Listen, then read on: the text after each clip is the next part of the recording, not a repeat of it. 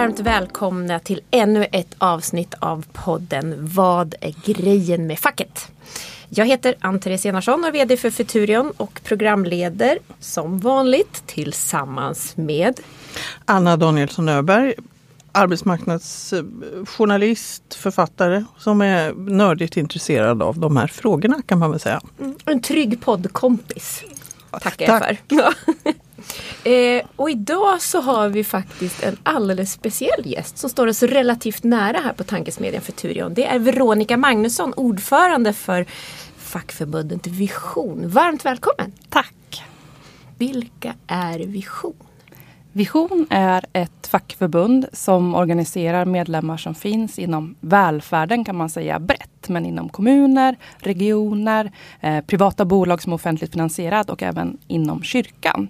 Eh, vi har närmare 200 000 medlemmar eh, och det kan vara socialsekreterare, handläggare, administratörer, chefer, IT-tekniker, en, en bredd. Vi brukar säga att alla som leder, administrerar och utvecklar välfärden är våra medlemmar.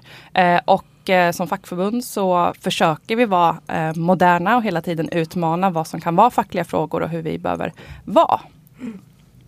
Spännande! Häftigt att ha hela välfärden i rummet. yes. ja.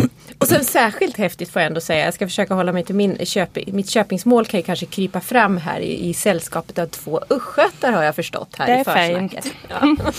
Det kommer att bli mer och mer östgötska under, under det här samtalet är jag säker på. Jag tror det är ett vinnande koncept. Ja. Mm. Det låter alldeles utmärkt.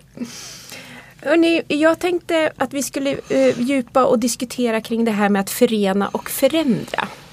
Vi har ju som jag nämnt tidigare skrivit en rapport på det området om framtidens organisering. Vad står vi inför för utmaningar? Vi har ju en generation som är mer samhällsorienterad och samhällsengagerad än tidigare generationer men ändå så lyckas man kanske inte riktigt fånga och kanalisera engagemanget alla gånger. Vi ser globalt en, ett, en nedåtgående trend. Vi ser utifrån förstås i Sverige hög organiseringsgrad förstås i Sverige men ändå lite grann att den har backat på sistone. Hur kan man liksom få ny eh, ny energi i de här frågorna. Och det är därför vi har bjudit in dig här idag, Veronica. För jag vet att du har tänkt mycket på det här. För just organiseringen är grunden för förändring. Mm. Och det är det som hela fackföreningen, fack, alla fackföreningar förstås, men mycket som Vision har, har tänkt kring. Ja, och för en, en förening eller en folkrörelse som vi som facklig organisation är så är det själva grunden och också väldigt viktigt att poängtera att det var ju hela liksom grundtanken när fackföreningar bildades från början, första början. Att, att samla människor kring gemensamma frågor för att åstadkomma resultat. Mm. Eh, och det tycker jag också är väldigt viktigt att, att poängtera att det är en, en facklig kärnuppgift. Det är så lätt att man uppfattar oss som liksom, påverkansorganisationer eller allt mer att vi är institutioner snarare än den här folkrörelsen. Så det är liksom en viktig poäng att komma ihåg det som uppdrag och alla vi som är aktiva i ett fackförbund har det ansvaret att, att jobba med organisering eller för organisering och lyckas få fler att, att vilja gå med som ett första steg och sen att vilja engagera sig. Mm. Men det vi kan se är ju att vikt, en viktig faktor är att vi lyckas hålla organisationsgraden hög. Och det är också det som har varit en framgångsfaktor på svensk arbetsmarknad. Att det är det som skapar själva liksom bärkraften. Alltså antalet medlemmar är ju liksom vår malla in i allt som vi vill göra. Det är det som är vad vi liksom hela grunden för nästa steg. Både för att det är liksom det som arbetsgivaren tittar på i en förhandlingssituation. Det är det som ger oss resurser i att kunna eh, åstadkomma saker. Och det är det som gör att vi har folk runt om på arbetsplatserna som lyssnar och kan fånga upp de frågor som, som finns. Så att organisering är en facklig kärnuppgift. Och det är väldigt, väldigt viktigt för oss då som särskilt i ledande positioner att ta ansvar för att det är det. Mm. Men äh, du får låta som om, som om det är rätt så lätt. Höll jag på säga. Men om man ser på dina medlemmar, de är det ju rätt... Eh, alltså offentlig sektor är ju, där är det inte så svårt att organisera. Men i privat sektor är det ju mm. problematiskt. Hur, hur, kan man ha någon förklaring till varför det ser ut så? Jag tror ju att en, ett svar är liksom stabilitet. Eh, att vi har stabilitet i form av en, en arbetsgivare som vi är vana att, att jobba tillsammans med, har gjort det länge. Eh, att vi har jämfört med vissa andra delar av arbetsmarknaden fortfarande väldigt många som har tillsvidareanställningar och liksom kommer finnas i sitt yrke eller sin sektor väldigt länge. Eh, och ja, men så det finns stabila spelregler eh, tror jag. Men därmed inte sagt att vi kommer också behöva utveckla oss i takt med att arbetsmarknaden liksom förändras och utvecklas. Eh, så det är väl några av, av förklaringarna. Eh, och också kanske att jag tänker att vi måste agera innan vi hamnar i en defensiv situation. För det är det också tror jag att, att många, när man har en sjunkande organisationsgrad, då blir det ju helt plötsligt så himla många saker som man måste hantera. Då är det minskade medlemsintäkter, det är färre som är engagerade, eh, man får dåligt självförtroende. Jag blev ju aktiv i, i vårt förbund under den tiden då vi på varje styrelsemöte fick sitta och deppa över hur många som hade lämnat oss och att vi tappade i kraft varje månad innan vi lyckades vända den trenden. Så att därav också att liksom man kan aldrig luta sig tillbaka och vi märker att så fort vi liksom tappar fokus på att jobba med organisering och rekrytering av nya medlemmar, då ser vi det i, i siffror. Um, så det, det tror jag är flera, liksom att vi har, vi har liksom den eh, gynnsamma situationen att vi ens kan liksom förmå oss att mobilisera eh, och ta ett ansvar på det sättet. Vad tror du? Ja, det tror jag. Jag, alltså, jag, jag, jag, det, jag, tycker faktiskt det är väldigt svårt att ge någon riktigt enkel förklaring till varför det så, kan vara så kopiösa skillnader mellan offentlig och privat sektor. För att på, det, arbetsförhållandena tror jag är en, som du var inne på. Och just att det är fler som har fasta, fasta tjänster. Å ena sidan, samtidigt så finns det ju, alltså det, det, det finns ju så många olika uppfattningar om vad det, hur, hur det här hänger ihop nationalekonomen Nats, Lars Calmfors som ni har ni ju säkert talas om. Mm. Eh, han har en teori om att vi ändå är på väg, i värsta fall, om man nu ska prata tråkiga heter eller, säga, eller ha en pessimistisk inställning, in i en slags individualistisk era eller alltså att, att människor det är ute med kollektiv och inne med individualism. Och om det får fäste så finns det risk för att, att man känner, man, man känner ja, den här trenden fortsätter. Jag vet inte. Jag, mm. Man kan ju hoppas för den fackliga för fackens skull att, att det är fel. Mm. Vad, vad tror du? Folk är ju inte så speciella som vi tror att vi är. Eh, och Va? vi vill ju, tyvärr att men det är så. Eh, att vi, Mamma vi sa vill att jag var ju, unik. Ja, för mammor är man det. Eh, man, vi, vi vill ju ungefär samma saker i, i livet. Vi vill göra ifrån, bra ifrån oss på, på jobbet. Vi vill ha en, ett jobb där vi känner att vi bidrar till utveckling. Vi vill må bra. Mm. Eh, även den yngre generationen är ju väldigt trygghetssökande liksom, och eh, kanske ännu mer än, än, den generationen som jag växte upp i. Eh, och där har ju vi massor av saker som kan kännas som individuella behov som vi har kollektiva lösningar på. Att det, det blir lite sådär floskligt men alltså ensam är inte stark men också att det gäller för oss att kunna beskriva den individuella nyttan och då menar inte jag att det behöver vara på ett egoistiskt sätt men det är ju smart att samarbeta. Alltså det, det finns ju väldigt mycket som tyder på i liksom hela mänsklighetens historia att det är väldigt smart att samarbeta. Och sen har jag respekt för att människor idag har ett större behov av att veta i realtid att det här gör nytta för mig. Eh, för det kan ju vi se när vi frågar medlemmar om vad, och presumtiva medlemmar vad som är viktigt. Ja men det är att fackförbundet passar mig. Mm. Och sen är det olika då. Då behöver vi komma underfund med vad innebär det för varje medlem. Och det skiljer sig inte så jättemycket. Eh, man vill ha rådgivning, man vill att det ska vara enkelt att ha med oss att göra. Man vill veta att man faktiskt får Folk betalar ju ganska mycket varje månad för att vara med i ett fackförbund. Och jag har respekt för att man vill veta att man lägger Liksom, man investerar sin liksom, både engagemang, väldigt många, 13 000 av våra medlemmar är ju engagerade förtroendevalda. Eh, men även om man bara med, betalar sin medlemsavgift och är liksom stödmedlem på så sätt så har jag respekt för att man vill se en, en nytta. Eh, och då tycker jag det är upp till oss som fackliga organisationer att, att beskriva vad vi gör. Och väldigt ofta är det saker som vi gör gemensamt och ibland så möter det väldigt individuella behov för att man hamnar i en situation på sin arbetsplats där man behöver stöd eller för att man behöver nyttja inkomstförsäkringen eller vad det än kan vara. Så att jag tror att vi liksom kan möta det här. Men vi kan inte tro att om vi bara berättar om fackets historia, hur mycket vi åstadkommit tidigare, då kommer folk bara jaha, men då går jag med. Utan det är verkligen att liksom omsätta det i, i relevans. Men, men apropå Lars Calmfors, då, Ja. tror du inte kanske att det kan vara tvärtom också? Att å ena sidan så vill folk veta, kunna kolla in på hemsidan, det här, det här får jag för mina pengar, bra, då kan jag betala. Men också få en slags känsla för, ja men att vi går ihop, det är bra. Men eh, kan, är ni så bra på att förklara det? Säger jag lite provokativt. Nej, inte tillräckligt uppenbarligen eftersom liksom, i så fall skulle ju alla vara med och så, den situationen är vi ju inte i. Eh, vi ser att det är jätteviktigt eh, hur vision på arbetsplatsen är. Det är inte superviktigt vad jag som förbundsordförande skriver i någon debattartikel eller sådär. Det kan stödja. Men det man tittar på är så här, finns vision lokalt? Eh, och det vi ser som våra nyckelfaktorer är närvaro. Alltså man behöver, det behöver finnas en viss kontinuitet i att man ser. Ja, men det här är ett aktivt förbund, det händer någonting. De frågade mig inför den här omorganisationen vad jag tyckte. De återkopplade efteråt att de hade lyft det här med arbetsgivaren. Eh, de hade en lunchföreläsning. De fixade en lunch för cheferna. Eller, alltså sådana Ja, saker. Mm. Och sen så att närvaron och sen att skapa inflytande. Och där är det vi och många andra har liksom lite mer att bevisa. Att så här, det, man får inflytande tack vare att man organiserar sig fackligt. Hur visar man det? Ja, det, där är det ju också i, när vi går eh, mot en annan liksom, förhandlingsmodell än vad vi haft tidigare. Alltså, förut var det liksom kollektiva centrala förhandlingar. De var inte särskilt demokratiska. Då låste det in sig några i, i, ett, i ett rum och sen kom de ut och berättade hur det blev.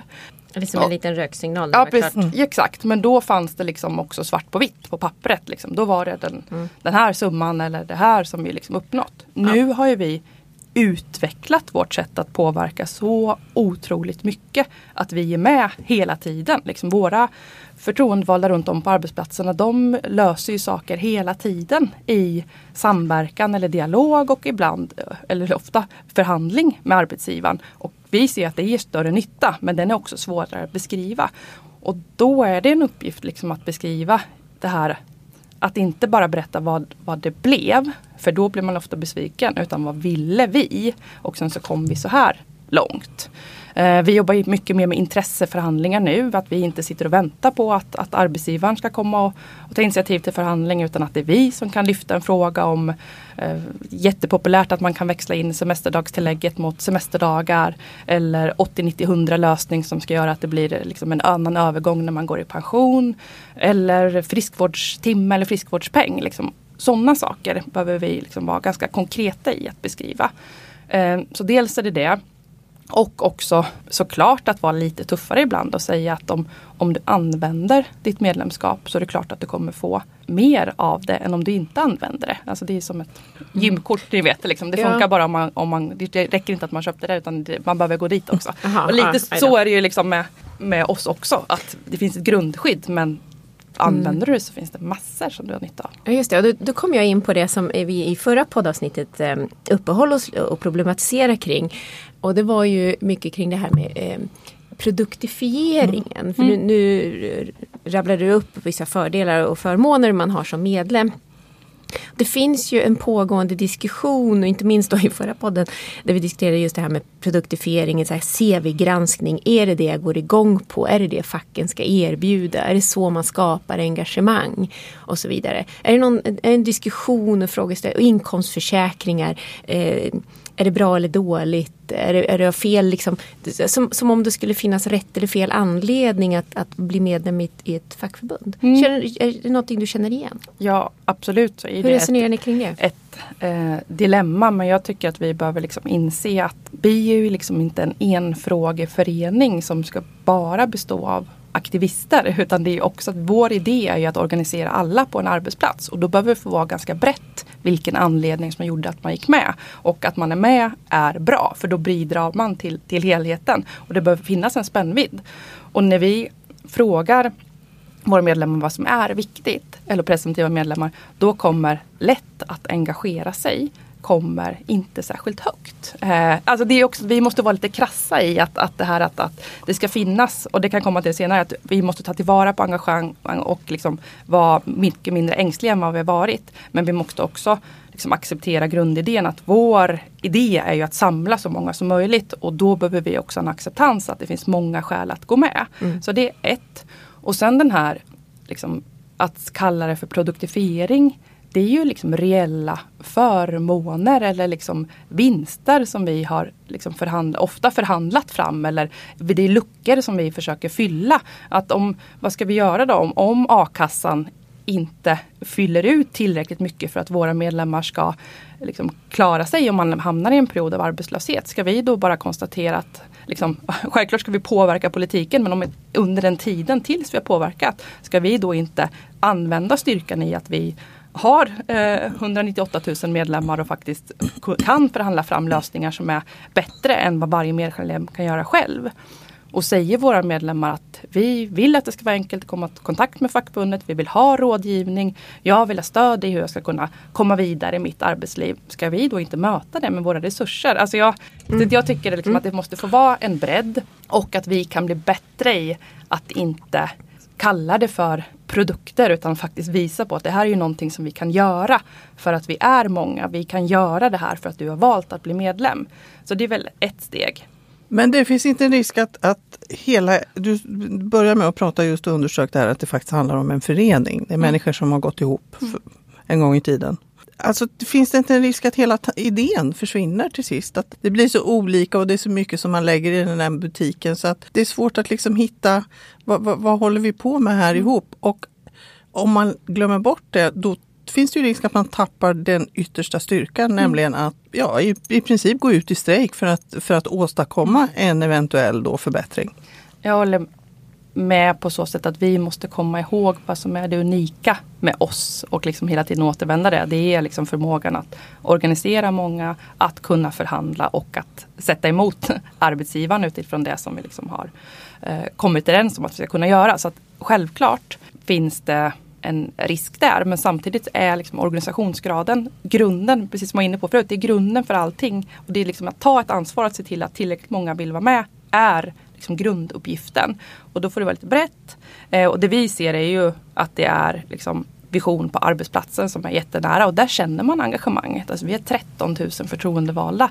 Jag tycker inte liksom, det är ganska imponerande många personer som har valt att gå in i ett engagemang som till stor del är ideellt som man ska kombinera med sitt jobb för att liksom påverka och tillsammans med arbetskamraterna eh, liksom ta initiativ. Sverige bygger ju så mycket på engagemang. och det ger alltså allt ifrån liksom föreningslivet inom idrottsvärlden men också det fackliga.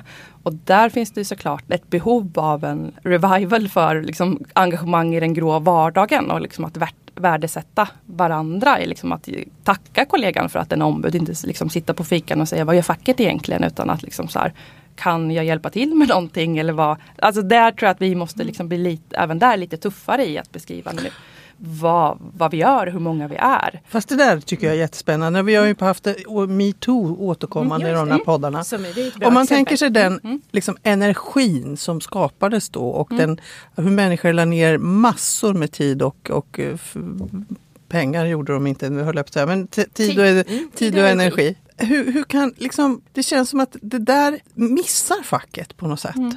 Och, och man, ja, man kan verkligen undra vad, vad, vad beror det där på? Eller gjorde de det? Ja, det, alltså vi, jag personligen tycker att metoo är fantastiskt och att det finns en sån enorm kraft i det och att det var verkligen som att ta av sig ett par dunkla glasögon och se klart eller inse att andra har sett det som man själv har sett och upplevt. Eh, och vi lyckades väl delvis fånga upp det engagemanget i att vi gör väldigt mycket av, av jobbet i, i vardagen där. Liksom, att det, det vi har liksom påverkat för att det, det ska kom, kopplas aktiva åtgärder till diskrimineringslagstiftningen. Det är ju det som vi har som verktyg. Det finns en lagstiftning på plats som gör att det här egentligen inte skulle kunna hända. Sen har vi och arbetsgivarna och andra varit liksom för dåliga i att, att använda det och att liksom ligga på. Eh, men det väckte ett engagemang hos oss på så sätt att det blev diskussioner om mansnormen. Det ordnades liksom dagar liksom både på olika håll i landet för att diskutera liksom maskulinitetsnormen, vad den innebär. Eh, ett större efterfrågan på att jobba mot sexuella trakasserier på arbetsplatserna och ett liksom stöd där. Men där tänker jag också att det är viktigt för oss att ta de olika rollerna. För jag, jag, jag lyssnar på den podden, liksom det här vid att det är ju lätt att liksom skriva på ett, ett upprop och liksom ställa sig bakom där. Men sen när det är liksom, vad ska vi göra åt det då? Eller varför har det som vi faktiskt har på plats inte funkat? Då blir vi ju lite färre som, som står kvar på något mm. sätt. Och då har ju vi ett roll, en roll som de som faktiskt får vara med i massor sammanhang där beslut fattas och där makten finns. Vi har resurser att se till att kunna följa upp att aktiva åtgärder används eller att diskrimineringslagstiftningen efterföljs. Att vi gör liksom vårt där.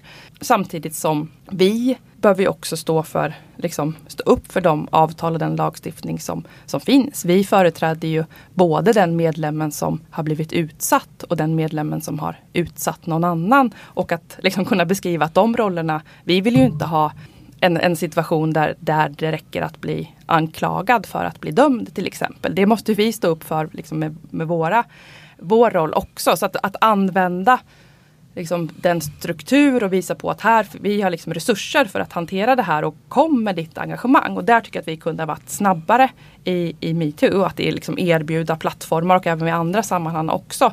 Men också att liksom stå upp för liksom professionalismen i, som en stor organisation som liksom ja, som ska liksom följa upp den lagstiftning som finns till exempel.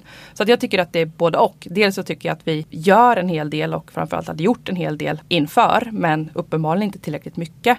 Eh, att vi inte behöver som sagt vara så ängsliga. För där var det liksom internt, så här, hur mycket vågar vi gå med i det här och sådär. Men låt alla som vill skriva på, lyft det på arbetsplatserna. Det här är ett jättebra tillfälle att, att få arbetsgivarens öra. För alla blev lite nervösa, vad händer hos oss? Ja men då passa på att fråga arbetsgivaren, kan vi inte ha en gemensam dag om det här till exempel som, som arbetsgivaren får bekosta och våra medlemmar kan gå på. Så att både liksom erbjuda, vara mindre ängsliga men också stå upp för liksom en, en, stabilitet och att det här är någonting som inte bara står på affischerna idag utan vi ska lyckas jobba med det här också i år framåt för att mm. komma någonstans. Kunde man se en ökad eh, medlemstillströmning med anledning av metoo? För det måste ju ändå många som fått upp frågan tänker jag. Mm. Är det något som man har? Jag nej, har inte, jag har inte tittat på det. Jag nej, borde kanske skulle jag inte säga att det finns en, en, att vi kan se en, en sån koppling. Kanske delvis för att man inte tycker att vi är en tillräckligt stark aktör. Och det är ju verkligen något för oss att fundera på.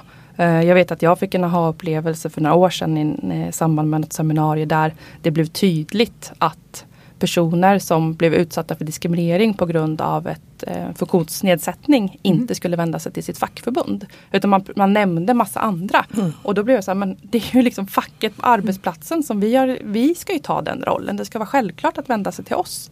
Så där, där har vi liksom ett ansvar att visa på att, att det, vi, det är inte bara liksom lönerevision som vi har, har, ska vara med i utan det finns massa olika sammanhang och man ska vara trygg med att vi ska vända sig till oss i sådana situationer och vi ska kunna ta om hand det. Mm. Verkligen. Mm. Jag tänker på, vi pratade i tidigare tillfälle om det här med plattformar. Alltså det var ju, om vi fortsätter lite grann till bara på metoo som jämförelse för det är så bra som jämförelsematerial. Och då tänker jag att den plattformen, den folkrörelse som där så att säga tog vid. Hur, hur, kan, hur ser du att facken skulle kunna bli liksom en plattform som bjuder in till förändring? Mm. Nu är man ju det i sig, förstår du vad jag menar? Mm. Mm. Um, hur, hur, ser det Kom hit, mm. uh, bjud in, bjud upp. Mm. Men dels, Har ni funderat kring det? Ja, dels så tänker jag att det är viktigt att visa på att det finns ja, men så många av de liksom, fantastiska initiativ som, som startas på olika sätt. Det kan vara allt inom jo, eh, miljö, miljö ja, liksom, eller mm. metoo eller andra Barnet initiativ eller psykisk ohälsa för den delen. Mm. De vill ju liksom de vill jättegärna få tillräckligt med resurser för att kunna liksom opinionsbilda eller kunna påverka. Eh, de vill ta sig in i de rummen där makten finns och de vill prata med, med chefer eller med politiker eller massa alltså olika för att kunna påverka. Och där har ju vi jättestora möjligheter för vi, vi har liksom redan förhandlat oss fram till möjligheten att vara med i de sammanhangen. Vi har resurser, vi har liksom Eh, under åren eh, liksom byggt upp organisationer där vi har liksom, allt ifrån jurister till ombudsmän till kommunikatörer som, som liksom kan lyfta frågor och driva frågor. Och att visa på att den, här finns det några som har liksom byggt upp det som andra sitter och önskar att de hade. Eh, och att liksom då ja, men inte vara så ängslig i att, att kunna lyfta att ja, men är den här frågan liksom viktig för oss. Det kan också vara att vi stöttar andra initiativ. Vi har till exempel haft ett, ett samarbete med Ångestpodden nu som lyfter frågan om psykisk ohälsa. Och ja. de når en, en helt annan målgrupp än vad vi förmår mm. når. Alltså kopplat till och för oss är sambandet där att unga med psykisk ohälsa inte får tillräckligt mycket stöd från välfärden där våra medlemmar finns. Och då behöver vi beskriva att våra medlemmar behöver få bättre förutsättningar att möta ungas behov. Och då kan vi samarbeta kring det. Så att, att, att liksom, både att visa på, här finns det resurser, det finns en struktur. Vill du driva en fråga så, så finns mycket på plats. Men också att samarbeta med andra. Men kan det vara så att den här strukturen eller er du pratar mycket om era upparbetade kanaler, funktioner, kontakter och så. Att det i sig, alltså det är det som är dilemmat. Ni är, ni är halvt om halvt makthavare. Alltså ni, har en, ni uppfattas som del av ett etablissemang. Så att de som känner det där mm. engagemanget eller viljan att protestera eller engagera sig, mm. ni är del av dem. Så att det, mm. det, är liksom, det, därför är det inte naturligt att vända sig till, till, mm. till er. Mm. Det, så kan det absolut vara. Det är en jätterisk och för oss något att och och då återkommer vi igen till den här liksom arbetsplatsnära organiseringen. Att, att vi, som sagt, det spelar inte så stor roll vad jag som ordförande liksom säger eller lyfter. Utan det viktiga är att man såg att Vision gjorde ju någonting för oss på arbetsplatsen. Att jag kunde lyfta en, en fråga via Vision. Så att det där är liksom hela spännvidden. Att både liksom använda att vi har tillgången till arbetsgivaren eller till politiken tack vare liksom vår storlek men aldrig glömma bort att liksom mandatet kommer ifrån arbetsplatsen och det kommer ifrån att vi lyckas vara relevanta för den som finns där idag och att den som nyanställs imorgon ska tycka att vi är tillräckligt relevanta. Mm. Mm. Jag ser att, att, du tittar på den där ja, artikeln. Men, ja, men jag, jag, jag, fastnade för... Jag såg en, en artikel igår Eh, nu blir det ju betydligt längre sen eh, då när podden eh, sänds. Men, men, men det, den var från Myndigheten för ungdoms och civilsamhällesfrågor som hade ställt en rad frågor då till Sverige, en stor del av Sveriges ungdomar i alla fall. Och där konstaterar man att, sjuk, att i stort sett att det här med psykisk ohälsa eftersom den är så pass utbredd i unga år så har det renderat i att sjukvårdsfrågan nu är den viktigaste frågan för den här generationen som är den viktigaste samhällsfrågan. Mm. Tätt följt av klimat etc. Och då blir ju då blir jag ju hopp, både hoppfull och glad när du berättar om samarbetet med Ångestpodden etc. Mm. För, att, för att kunna vara den här plattformen. Mm. Så där tänker ni ju, jag ville bara mer mm. ge bekräftelse. ingen, ingen hård fråga mm. utan bara så här, det är bra. Ja, ja men jag tror att det är jätteviktigt att, vi, mm. att visa på och, och också vara så här jag har liksom förlikat mig med att vi är inte särskilt heta. Det är liksom inte så att fackförbunden kommer bli de liksom trendigaste. För, både för att vi är liksom kolosser på så sätt att vi är liksom demokratiska organisationer. Det är fantastiskt liksom att det är en, en folkrörelse på så sätt som finns en trögrörlighet i att vi behöver liksom ha ett mandat från medlemmarna och fatta demokratiska beslut för att liksom jag ska kunna driva frågor och lyfta dem. Och, så att jag kan inte på samma sätt liksom starta ett, ett Instagramkonto. Du kör inget eget race? Nej precis, det har jag liksom, men medan andra kan det. Och mm. det är bra för det behövs liksom som för att eh, liksom elda på och sätta ljuset på frågor och lyfta det. Och att vi ska hitta någon liksom symbios där, där vi då kan fånga upp frågor eller stötta och stimulera liksom att det också händer. Men vi ska inte tro att vi kommer liksom bli de allra liksom, trendigaste på så sätt. Utan hellre då att vi knyter andra till oss, att vi stödjer, eh, att vi hela tiden tänker, ja, men vad, vad är den frågan som är, ja men som för unga då. Det är jätteviktigt. Ett mänskligt arbetsliv, det är liksom, vi kommer vi till hela tiden men det är Mm. Jätteviktigt. Ja, och alltså, ett återkommande budskap som jag har haft är just det här med representativ demokrati. Mm. Hur trög, trögt och det, det, är omständligt och eländigt höll jag på att säga. Men det är tvärtom, det finns ju något positivt i det. Mm. Men det finns också, det är också något trögt. Om man då tänker sig, an, ah, inte vet jag, en 16-åring idag.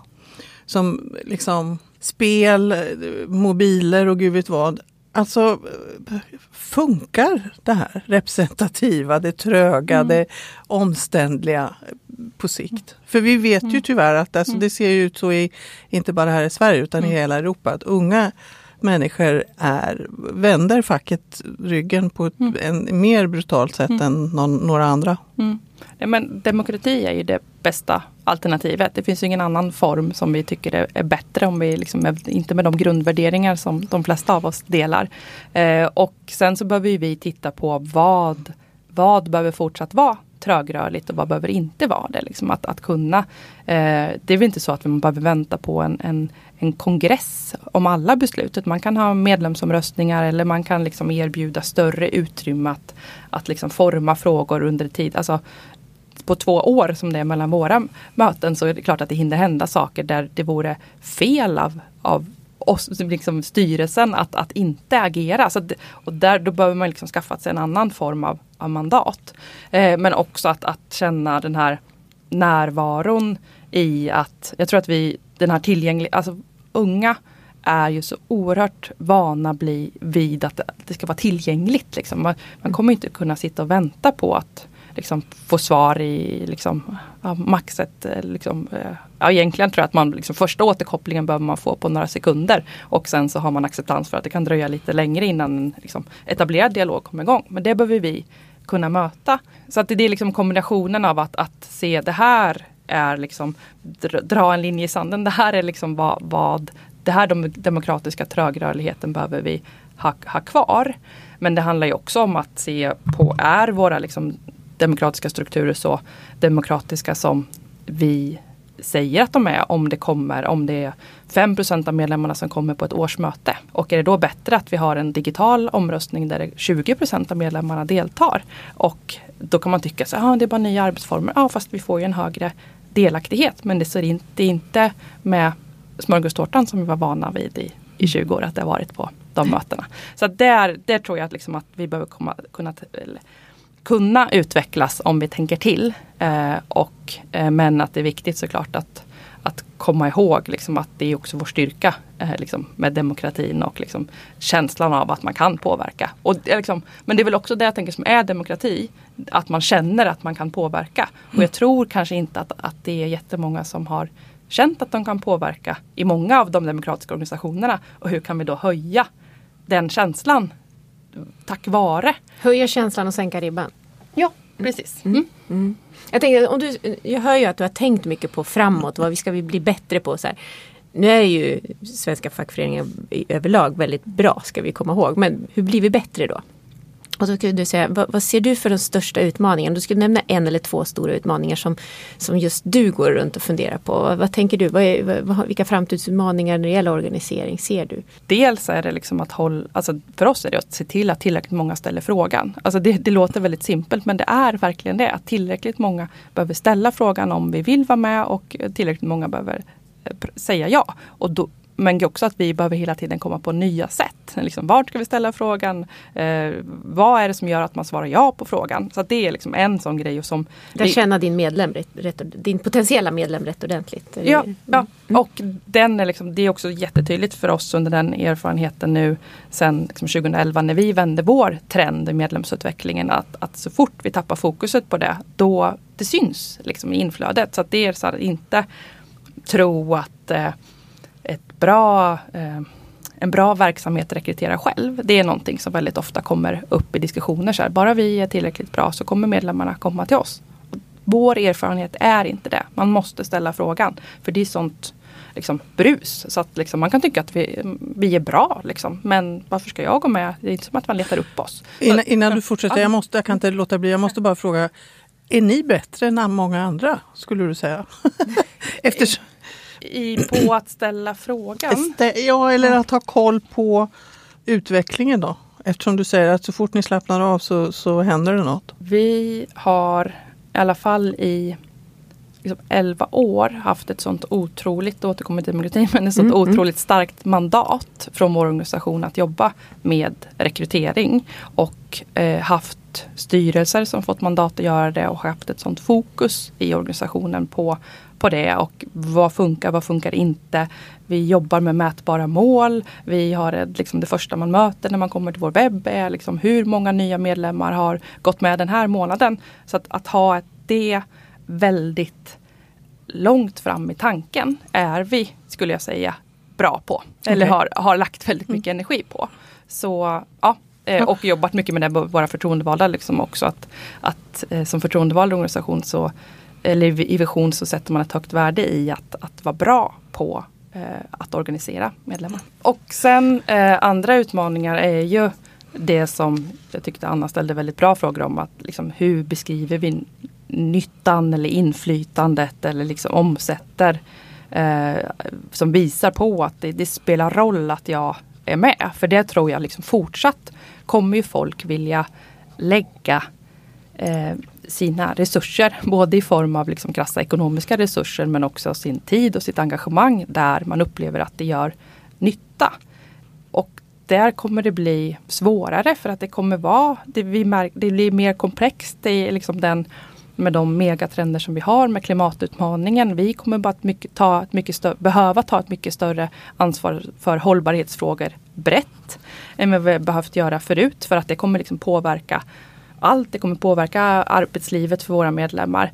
Eh, vi har också liksom digitaliseringen där. Hur, hur värnar vi eh, liksom att våra medlemmars idéer får, kommer till, till nytta och tas tillvara. Eh, gränsdragningen mellan arbete och privatliv, integritetsfrågor. Alltså, och hur, är vi, hur vi brukar säga att vi måste vara lika med i ett, när man ska implementera ett, ett nytt datasystem på en arbetsplats som när man implementerar eller när man bygger ett nytt hus som våra medlemmar ska vara i. Vi är liksom proffs på att kolla på ritningar och vara med i liksom Vent- byggmöten ja. och den typen av liksom, fasta liksom, Ja. så här, eh, vi brukar kalla det så här, gardinfrågor ibland. Liksom, men på den nivån och lika liksom, på måste vi vara i de här andra.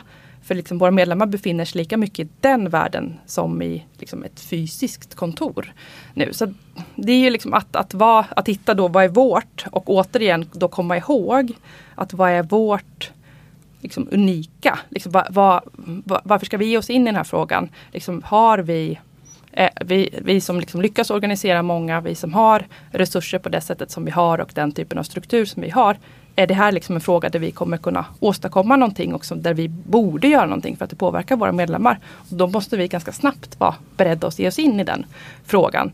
Oavsett om det är metoo eller om det är eh, automatisering. Eh, det här att organisera, locka, attrahera nya medlemmar för en hög organisationsgrad.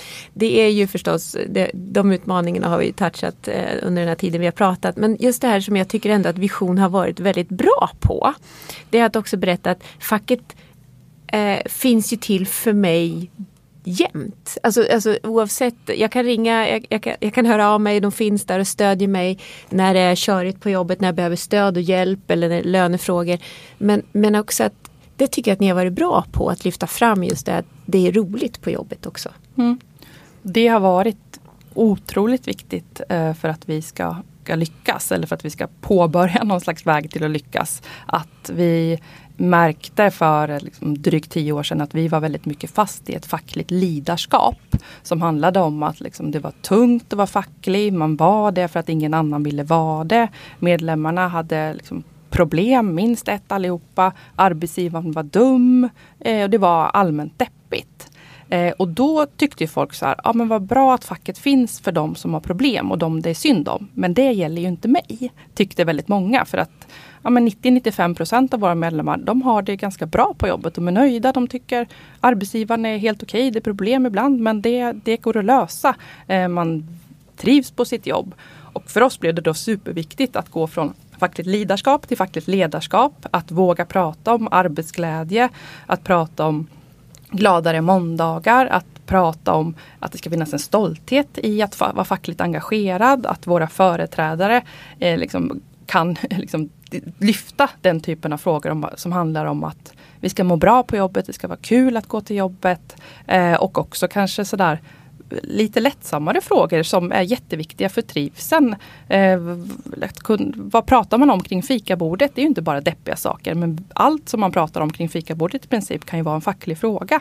Det är kanske någon som eh, tycker att det är jättesvårt att man så här, men jag vill vara en schysst person. Jag tycker hbtq-frågor är jätteintressant och viktigt. Men jag eh, tycker att transfrågor är så himla svårt. Jag vet inte hur jag ska säga för att säga rätt. Ja men då kanske vi kan anordna en, en lunchföreläsning om det och sen så blir, känner medlemmarna att ja, men här fick jag något eh, liksom, gjorde mig ännu lite bättre. Jag var redan bra innan men det här lärde jag mig något mer. Så att den liksom, från fackligt ledarskap till ledarskap, att våga prata om arbetsglädje och som jag nämnt flera gånger, att liksom, eftersom organisationsgraden och att vi är många är vår malla in i allt annat vi ska göra, så behöver vi se till att alla på en arbetsplats tycker att vi som facklig organisation kan vara relevanta för dem. Och då behöver vi finnas där även och liksom ha ett utrymme även för den som tycker att de har det ganska bra. Får jag mm, eh, jag ska inte drista mig till att summera hela samtalet då. Utan för jag tycker att vi har belyst många områden och framförallt fått en djupdykning i de visionära tankarna som Vision eh, mycket riktigt då har på det här området. Och det är jag väldigt tacksam för att du kom hit och delade med dig Veronica.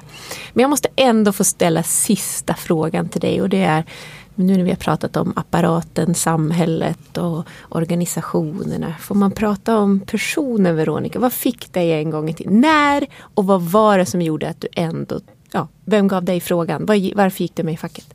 Den som gav mig frågan var eh, Benita som var arbetsplatsombud när jag började jobba på försörjningsstödskontoret i Hageby i Norrköping. Eh, och och det är också något så här, jag hade inte varit med eller, inte kanske, eller hade valt ett annat förbund kanske. Om, det var hon som ställde frågan först och gjorde det på ett trevligt sätt som gjorde att jag gick med. Jag kollade inte upp någonting om förbundet eller sådär. Utan det inte CV-granskning? Nej, inte. ingenting. Nej. Utan det var en trevlig person som sa att här är vi med i det här förbundet. Och jag bara okej. Okay. Eh, och sen så var det, eh, då var jag 22-23. Eh, och jag hade nog inte riktigt förstått att man inte skulle vara engagerad i facket. För jag var så här, började liksom direkt på arbetsplatsen och bara så här, ja men kan vi inte göra så här istället? Eller varför har ni inte gjort så här? Och då sa de så här, men ska du hålla på så där, då är det lika bra att du blir ombud istället. Ja, okej. Okay. Och sen så var det lokala avdelningen och då fick vi fredagsbrev från Tommy varje fredag. Han skickade ut den här veckan har, har Vision lokalt gjort det här. Och då svarar jag på dem. Jaha, vad bra, eller varför gjorde ni inte så här istället? Och de bara, en ung person som svarar, liksom, henne ska vi ha. liksom sådär. Så då blev de helt sådär. Och det har jag förstått i efterhand att man får ju inte svar när man skickar massmail. Men det hade inte jag fattat att man inte gjorde. Så då blev jag, och det var också det här att, att visa på en snabbhet. Då blev jag inadjungerad i styrelsen lokalt. Det var inte de att sa så här, kanske kan du komma in nästa årsmöte. Utan de sa, de använde den möjligheten som många styrelser har, att inadjungera en person som man tror kan tillföra något. Och jag blev inadjungerad. Och eh, sen fortsatte jag. Det, sen fortsatte det på samma sätt att gentemot he, hela förbundet så bara, gör ni inte så här istället? Det här skulle vi kunna göra. Och de bara, ja ja, du får väl sitta i förbundsstyrelsen. Och till slut fick jag bli ordförande. för att jag har hållit på så mycket. Eh, så det var väl liksom den. Men det man kan lära sig av det är eh, att, jag är ju inte unik utan människor är ofta engagerade, vill påverka. Och blir man sedd Alltså känner man sig sedd? För det är det här det handlar om. Jag blev sedd i att jag ville någonting. Och folk bara, men varsågod, här har du en, en arena. Och så har det varit hela vägen. Och då, eh, ja, då, då stannar man kvar och då väljer man att engagera sig. Eh, och sen såklart att det liksom tilltalas jättemycket. Det är en fantastisk organisation med fantastiska människor. Gemenskap är väldigt viktigt för mig och det har jag liksom fått hela vägen. Mm. Häftigt, vilken mm. rolig berättelse. Jag tror vi stannar där för det var, det var en riktig feelgood berättelse. Tack för att du gästade oss i denna Tack podd Veronica. Tack så mycket. Tack så mycket. Så hörs vi igen. Tack.